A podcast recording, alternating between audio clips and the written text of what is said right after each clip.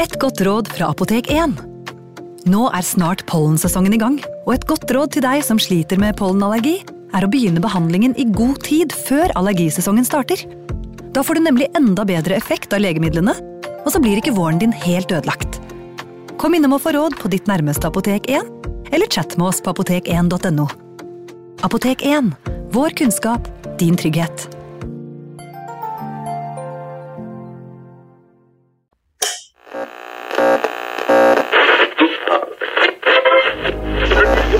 Vi skal gjenta særmeldingen i dag.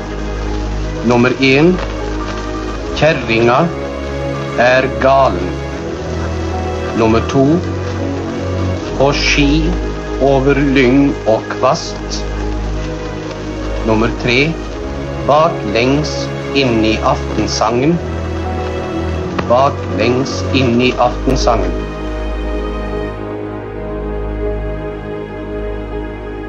Vi skal reise ut av eh, hovedstaden eh, hvor vi var forrige uke, Eirik, og så skal vi reise ned til eh, Stavanger-området. Ja, vi skal til Hillevåg, som da ligger utenfor Stavanger.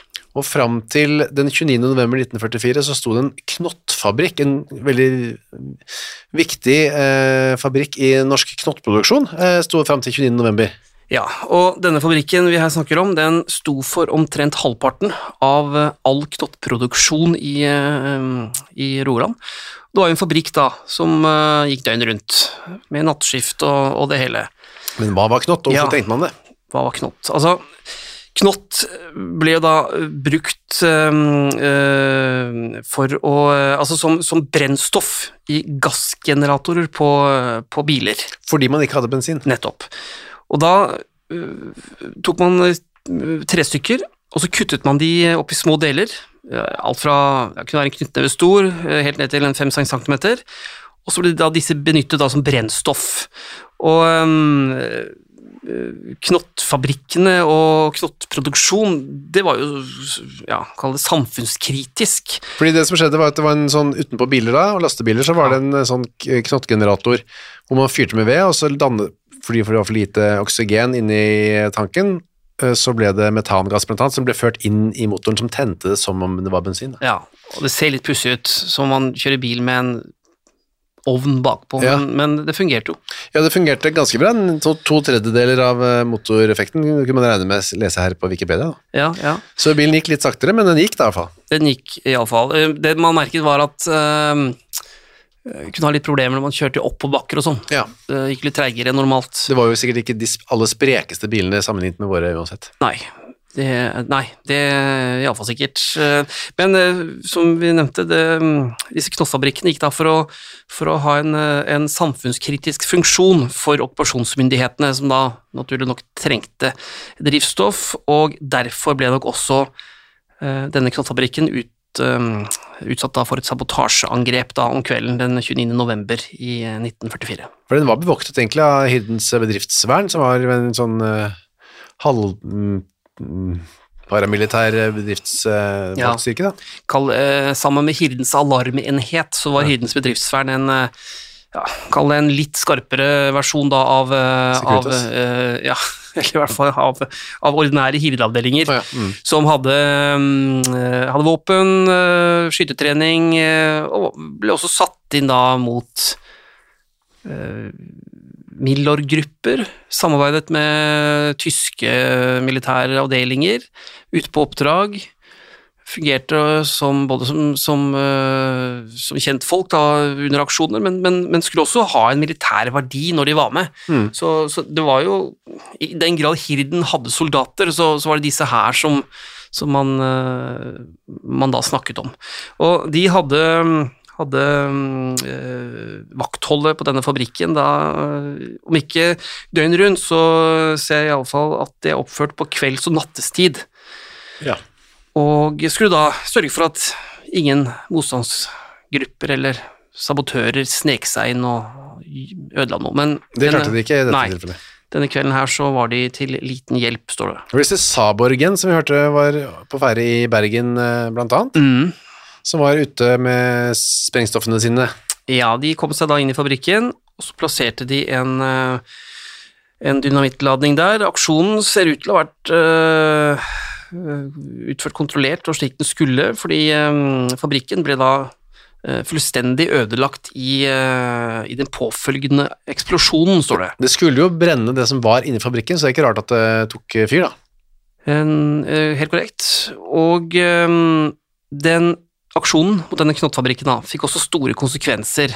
Eh, ikke bare for eh, okkupasjonsmyndighetene, men eh, også for sivilbefolkningen i, i Rogaland. Det ble jo da en akutt drivstoffmangel i hele, i hele distriktet, og vi ser jo ut fra rapportene da, til Milorg at bybussene blir da innstilt, mm, trafikken av ordinære, vanlige biler blir, blir eh, sterkt redusert. Postverket måtte nå ta i bruk hest og kjerre da, for å få posten rundt. Man ble satt 50 år tilbake i tid, da. Mm, Det, og ja, omtrent det. Og, og, til og med eh, tyske Wehrmacht de merket denne knottmangelen og eh, tok i bruk eh, hestetransport i mye, mye større grad enn eh, enn tidligere. Men ja Det er jo lett å snakke mye om dette her sånn lenge etterpå, om en aksjon hadde noen virkning eller ikke. Men det som står i, i, i en del etterkrigslitteratur, er at denne aksjonen her, den rammet nok i første rekke vanlige folk. Ja. Altså den norske sivilbefolkningen i uh, Rogaland. Og selv om Wehrmacht måtte hente fram hestene sine, eh, så, så um, fikk jo ganske snart okkupasjonsmyndighetene tak i drivstoff da fra andre steder, altså knott. Mm. Det henta de opp i Hordaland eller i, litt inn i landet og sånn. Så, så um, okkupasjon, eller aksjonen ble nok uh, sett på som der og da nødvendig, på sikt kanskje ikke så nødvendig, men den fikk jo, øh, fikk jo da konsekvenser etter hvert For andre, ja. for andre, ja. Og det begynte med at det var dette laget, da, seks personer eh, som hadde utført sabotasjen, de måtte da gå i dekning etter eh, eksplosjonen. Ja, de, de, den, den natten her så gjemmer de seg rundt omkring på en del ulike adresser, men de hadde da allerede dagen etter en avtale seg imellom om å dra ut til en hytte eh, som eh, lå ute i Li i Hommersåk, da, ved Riskafjorden, som eh, er jo et stykke utenfor Stavanger, da, for de som er, eh, er kjent der. Og um, ja, det de De drar dit. ja, de drar dit etter hvert. Eh, eller, eller den dagen som, eh, som avtalt. Men Ja. der, og det, det er viktig for historien her, da, at i nærheten av, eh, av denne hytta, der disse sabotørene etter hvert går i dekning, ja, ja, om lag en kilometer unna, så lå det et annet landsted. Like nede ved, ved en sånn, strand, sånn strandområde der. Mm. Og der var det også folk da, denne helgen, hvor uh, sabotasjelaget uh, uh, installerer lerørsla da, på, på denne hytta. Kommer seg ned til hytta, puster ut, får vi tro, ah, der skal vi installere oss, og så ser de en kilometer unna, nå gjetter jeg bare da, men eh, oi, det er lys i den hytta der borte. Ja, eller røyk fra pipa eller et eller annet, men de skjønner da at der er det noen. Og hvem var det som var der? Der er det en, en mann, han er 56 år, han heter Herbert Ernst Wilhelm Geike. Han er opprinnelig tysk, kommer fra byen Danzig. Uh, har vært i Norge siden 1911, norsk statsborger. Sa Så du at han var 56 år gammel? Ja, eller uh, han var iallfall det. Ja. Og um, Så han har bodd lenge i Norge, Han har bodd over 30 år i Norge. Mm, eh, kom til Stavanger eh, på 1920-tallet, da, etter å ha bodd en periode eh, i Oslo og Trondheim. Gifta seg med en norsk dame som het Agni Marie, Ja, sønn Reinholdt. han hadde sønn Reinholdt, ja. Han eh, Geike gikk inn i Nasjonal Samling i september 1940, så hadde vært med, med ti, eh, fra tidlig. Men sønnen hans, Reinholdt, som du nevnte, han hadde jo valgt en litt annen vei enn faren. Mm. For Reinholdt han hadde gått inn i, eh, i handelsflåten, havnet etter hvert i Storbritannia, og på et eller annet tidspunkt gjennom krigsårene så kommer han i tjeneste for det britiske flyvåpenet som eh, navigatør, Ja. og er også innom den norske 333-skvadronen. Så eh, han gikk da inn i alliert krigstjeneste med norsk flagg på armen. Så her eh, hadde jo far og sønn valgt hver sin retning. Men var, Geike var ikke i utgangspunktet noen soldat eller noen politimann eller noe i den duren. Tvert imot, holdt jeg på å si. Ja, altså, det, det er en litt fascinerende historie rundt denne 56-åringen. Han var da utdannet tre- og billedskjærer, står det.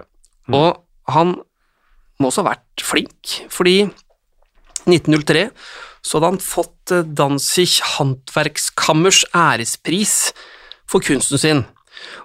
Og før krigen, altså før angrepet på Norge i april 1940, så hadde han eh, etablert et eget verksted da, i Stavanger sentrum, hvor han drev da med eller jobbet da som tre- og billedskjærer. Så Et fredelig yrke, får vi ja, kan se for oss. det må vi absolutt kunne se for oss. Og øh, ja, gifta med, med Agne Marie, og, og levde da, eh, før krigen iallfall, et tilsynelatende vanlig liv. Han var også da tydeligvis glad i å være på hytta, og det var det som på en måte skulle være, og hvem er ikke det? Eh, Det som skulle være på en måte hans eh, bane da. Men han hadde jo gjort litt mer enn å bare skjære i tre og lage bilder. Ja, fordi nå kommer vi da til krigen, øh, våren 1940, og han går da etter hvert, som vi sa, inn i Nasjonal Samling, og sommeren 1940 så får han også jobb.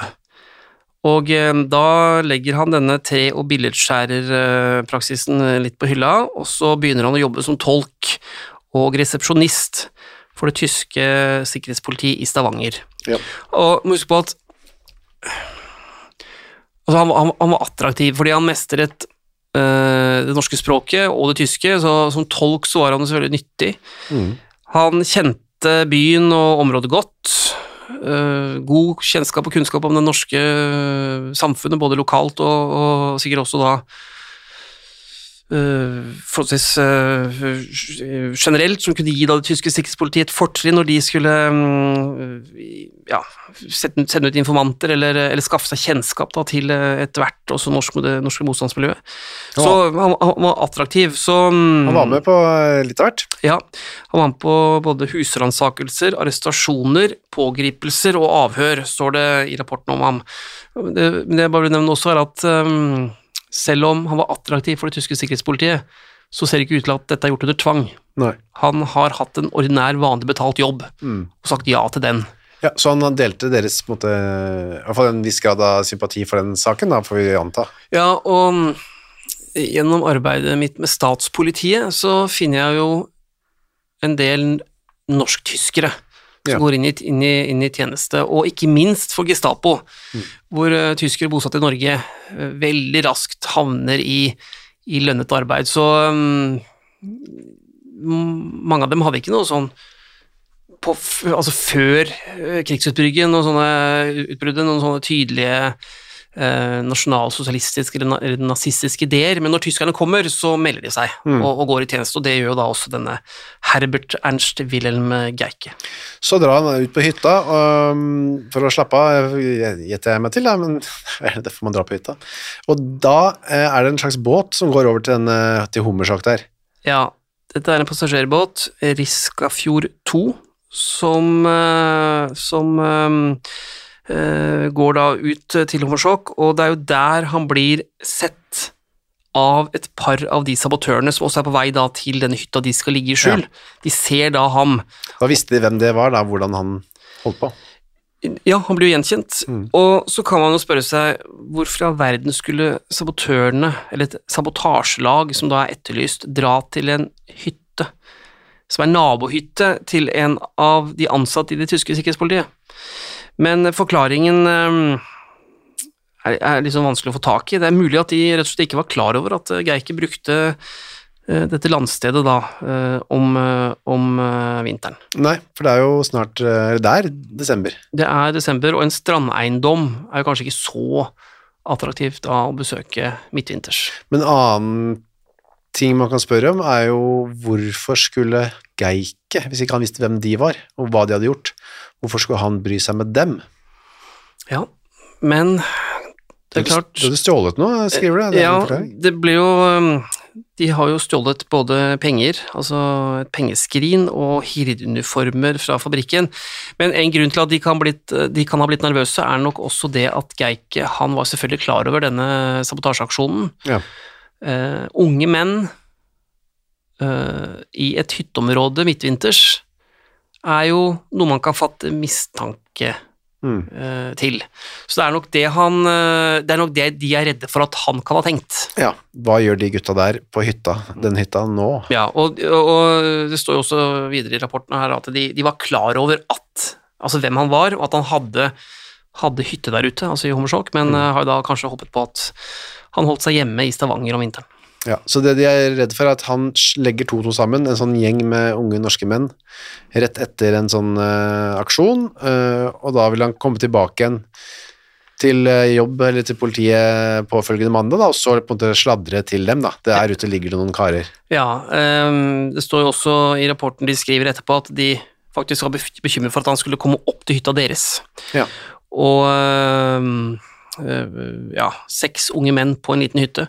Um, mulig han da ville forstå at de hadde vært involvert i denne sabotasjeaksjonen da mot, eh, mot Knottfabrikken, og da ta med seg mistanken tilbake til kollegaene hjemme i Stavanger. Mm. De hadde også planer om å likvidere to politibetjenter, altså nors norske. Ja, altså, det er jo det de blir nervøse for, at hvis denne Geike roter til noe nå, Mm. og vi må rømme et annet sted, eh, eller på annet vis eh, forstyrre planleggingen vår, så må vi sette de neste aksjonene vi skal gjennomføre, eh, på vent. Og eh, da vil jo hele Hommersåk-området bli eh, gjennomsøkt av tyske styrker, av, eh, av Gestapo. Det var jo umulig da å, å, planlegge og utføre nye aksjoner derfra. Og det var jo heller ikke noen småaksjoner de skulle eh, de skulle gjennomføre, denne sabotasjegruppen. De skulle faktisk eh, likvidere to statspolititjenestemenn, eh, som begge tilhørte eh, statspolitiets avdeling i Stavanger. Den ene var eh, Leonard Johan Wikstrøm, og den andre var en som heter Holger Tau. Og de to skulle da eh, bli likvidert eh, gjennom de neste dagene. Dette måtte de da eh, sette på vent eller avlyse hvis Geike fikk mistanke til dem, dro tilbake, og det ble da satt inn en storaksjon i området. Vi kan vel allerede nå røpe at uh, første av de du nevnte der, kommer tilbake som et eget kapittel i denne serien. Ja, uh, Leonard Johan Wikstrøm eh, var en uh, ung tjenestemann som Ja, likvidasjonen ble han ble gjennomført noen dager senere, men det skal vi snakke om i en annen episode. Ja. Ok, så da bestemmer man seg på hytta. Vi må ta Geike før han angir oss eller sladrer om oss. Ja, det blir bestemt. Og den, den samme kvelden, faktisk, så er det da eh, Da er vi på fredag 1. desember. Og da er det en som heter Ingvar Vik. Han er eh, 26 år. Det er eh, 23-årige Kåre Røy Thorsen. Og så er det 21-åringen Helge Hansen, som da eh, er de tre som det blir bestemt skal da dra ned til hytta. Eh, Til, eh, eller til landstedet, som det står eh, beskrevet som. Til, til, til Geike, da. Helge Hansen er 21 år. Han er 21 år, ja. Ja, og hva, så de går ned til hytta til Geike, en kilometer unna seg, cirka, eh, og banker på, da. Ja, og det er ikke helt klart fra jeg tolket rapportene her, om, om det nå er bestemt at de skal ta livet av ham, men, men uh, det er all grunn til å tro at det, det, det, det er noe de har, har bestemt seg for. Da. Ja. Men, og det må også sies at det som skjer nå på hytta, eller, til, eller på landstedet da, til, til Geike, det, det er fortalt på litt forskjellige måter her. Men den ene går ut på at um, uh, Vik, altså Ingvar Vik, Yep. han, uh, han eh, banker på døra, og så spør han uh, Geike om han kan få låne litt parafin. Og de to, altså Geike og Vik, de kjenner hverandre fra før. Ja. Og grunnen til det er at uh, Ingvars, Ing Ingvar Viks foreldre de har da bodd i det samme nabolaget da, som, uh, som Geike tidligere. Så de, de to er, er, er ja, ikke venner, men, men de er bekjente. Mm. Og da, da Herbert Ernst Wilhelm Geike snur seg rundt for å fylle parafin da, på en, en uh, tomflaske som Vik hadde hatt med seg, så ble han skutt i nakken av uh, Ingvar Vik, og så går da prosjektilet inn gjennom nakken og ut gjennom hodet, eller ansiktet da, trolig, og fortsetter og inn i veggen, hvor det da blir sittende eller hvor da prosjektilet stanser og blir funnet der senere, og, og Geike han, uh, han dør umiddelbart. Ja. Og så, um, etter at de eh, Etter at han er, eh, han er skutt og drept, da, så, um, så eh, bestemmer de tre seg, altså um, Thorsen, Hansen og Vik, seg for at de skal prøve å kamuflere denne hendelsen uh, som en ulykke. De ville ikke at det skulle framstå som en likvidasjon. Det Nei. skiller seg jo litt ut fra de andre. Det gjør det, og forklaringen på det er nok at hvis dette kan se ut som en ulykke, så kan det være at eh, vi kan fortsette aksjonene våre i fred. Mm. det brenner jo litt her og der eh, av og til, og folk dør, og det er ikke sikkert at det blir noen storaksjon ut av det. Eh, hvis Geike, ansatt da i det tyske sikkerhetspolitiet, blir funnet med et eh, stort hull i hodet, skutt på kort hold bakfra, så vil det gå en drapsalarm uansett. Ja. Eh, Både fordi han jobbet i sikkerhetspolitiet, og fordi han var tysk. Og da er de egentlig like langt. eh, eller tysk opphav, ja. Og, og da er de like langt. Så de bestemmer seg for å eh, forsøke da å helle parafin utover gulvet, og dynke, altså oppå veggene og, og tepper og gardiner og, og gjør alt da for å, for å gjøre denne hytta så, eller landstedet så lett antennelig som mulig. Og så legger de et teppe over eh, over, eh, over kroppen til Geike, som de også heller masse parafin over. Og så, ja, som det står i rapporten, de plasserer en sprengladning under hytta med en tidsinnstilt utløser. Og så er planen at de skal komme seg vekk, og så skal denne her eh, utløseren eh, eh, gå av, um, og, og eh, da skal det hele ta fyr. Og um, etter at det har skjedd, så har de da kommet seg eh, langt nok unna til at ingen vil kunne sette dem i sammenheng da med denne dødsbrannen. For de som var ute på gården ved siden av, så bodde det NS-medlemmer, og folk som kjente Geike, visste var Ja, der var det ja, på en nabogård hvor det da bodde folk, ja, som du sier, og, og de eh, de burde iallfall ha kommet seg et godt stykke unna idet det, det landstedet tok fyr. Mm. De tar med seg litt eh, ting de kan eh, trenge òg. Ja, de går gjennom eh, landstedet her, og de tar med seg noe sukker, et barberapparat, noen penger, står det, og eh, ikke minst sigaretter. Mm. Og så tar de og, mm, og eh, ja, forsøker å, å få i gang denne tidsinnstilte utløseren, da, eh, slik at sprengladningen skal gå av, og så drar de eh, like etter rett inn til Stavanger. Ja, ikke tilbake til hytta. Nei, eller det kan være at de er innom der og, og henter ting og sånn, men de, de, de, de, de går mot Stavanger veldig kort tid etterpå. Ja. ja, men så går det ikke helt som planlagt. De hadde Nei. jo hell med den der um, knottfabrikken, men her var det ikke så lett. Nei, eh, denne sprengladningen blir da aldri utløst. Og eh, det ser ut til at det har tatt fyr her inne, men pga. manglende lufttilgang så sluknet da flammene ganske raskt. Ja, det brant ikke opp. Det brant ikke opp i det hele tatt. Eh, nei, litt sånn usikker på om noen har tent, eller om de greide å tenne på før de stakk av gårde, og så ventet på at det skulle gå eh, sprenges i lufta. Det kan, det kan være. Mm. Men uh, uansett da, så fikk de iallfall ikke fyr på dette her. Og um, da ligger jo liket uh, av Geike på gulvet under dette teppet. Det tok noe tid før det ble oppdaget hva som hadde skjedd. Uh, Det var ikke så rart, det tok ofte Så kunne han være der ute i flere dager. Og det er ikke som nå, hvor du må drive og sende meldinger eh, overalt for å si at alt er bra, og, og alle hjemme skal være rolige og trygge og sånn. Her kunne han være borte, iallfall var, var Geik det. Han, han eh, kunne være på hytta si i, i, i lengre perioder. Så det tar først noen dager da, før han ble meldt, uh, meldt savnet. Mandag, ja. Mandag, 4. desember. Og da uh, skulle han, han, han skulle ha vært på jobb, men han kommer ikke dit. Og det er jo kona hans som melder ham savnet i tillegg til at åpenbart arbeidsgiveren eh, ser at det er noe som ikke stemmer, eh, fordi han ikke hadde kommet hjem til huset deres da i, eh, i Nymannsveien. Og så vet man jo at han er på hytta, så det blir trolig sendt ut da noen dit for å sjekke. Og som det står, liket av Geike ble funnet senere samme dag, og da er vi altså på den, den 4. desember, da, mandag. Jeg vil bare skyte inn at det er den samme dagen som, eventuelt han ville, som de var redde for at han ville sladra til arbeidsgiveren. Da. Så etterforskningen eh, ville kommet i gang samme dag. Ja. Så de sparte egentlig ingen tid.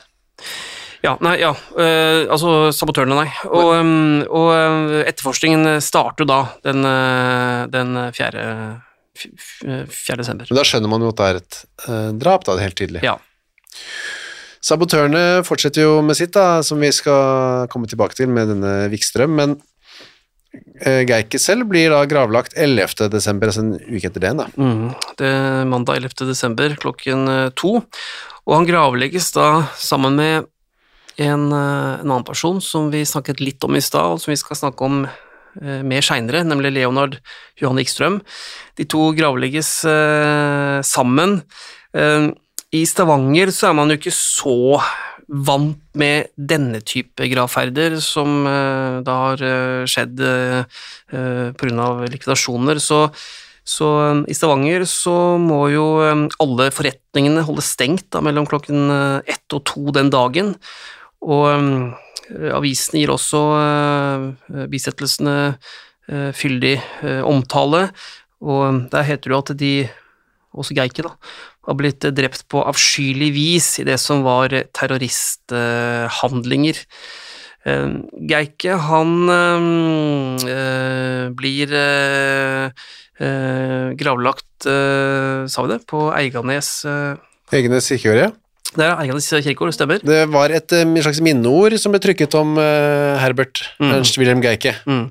Og Der sto det at Herbert Geike var, selv om han var tysker i utlendighet, så god nordmann som uh, noen.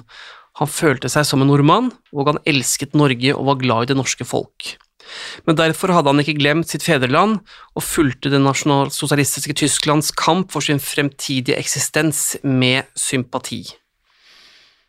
Ja, dette var da samme dag som du nevnte med NN Vikstrøm, og han kommer vi tilbake til, men det var jo da veldig hektiske dager både for eh, sabotasjegjengen, eh, for eh, Stavanger-befolkning og, og, og tyske sikkerhetspoliti. Ja. Det skjedde mye disse dagene. Ja, og vi kan runde av med å si at eh, grav, gravstedet da, til Herbert Ernst Wilhelm Geike det eksisterer fortsatt, Ja. men det ser ikke ut til at han har felles grav da, med kona si. Hun, Agne Marie hun døde i 1979, Å ja. da var hun blitt 82 år, men, men ble da ikke gravlagt på, på samme, eller i samme grav som, eh, som sin mann. Men eh, Vet du åssen det gikk med han uh, Reinholt, sønnen? ja, han lette jeg etter.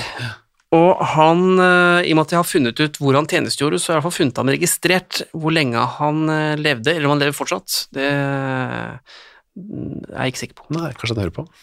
kanskje. Vet aldri. Han er veldig gammel iallfall. Ja da. Det, vi har, det, gamle folk i våre dager, de er veldig oppdatert. Absolutt. Eh, Da er, vender vi kanskje tilbake igjen, eller forhåpentligvis tilbake igjen til Stavanger eh, om ikke så lenge, men eh, denne turen med Geike i fokus, den er slutt. Er.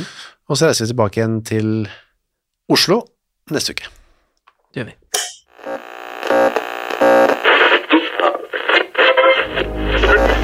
Vi skal gjenta særmeldingen i dag.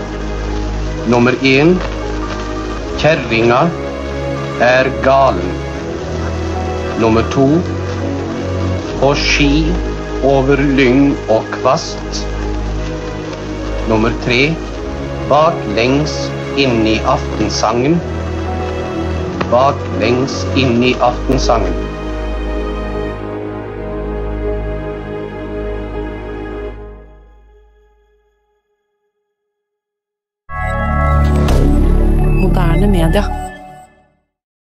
Har du et enkeltpersonforetak eller en liten bedrift?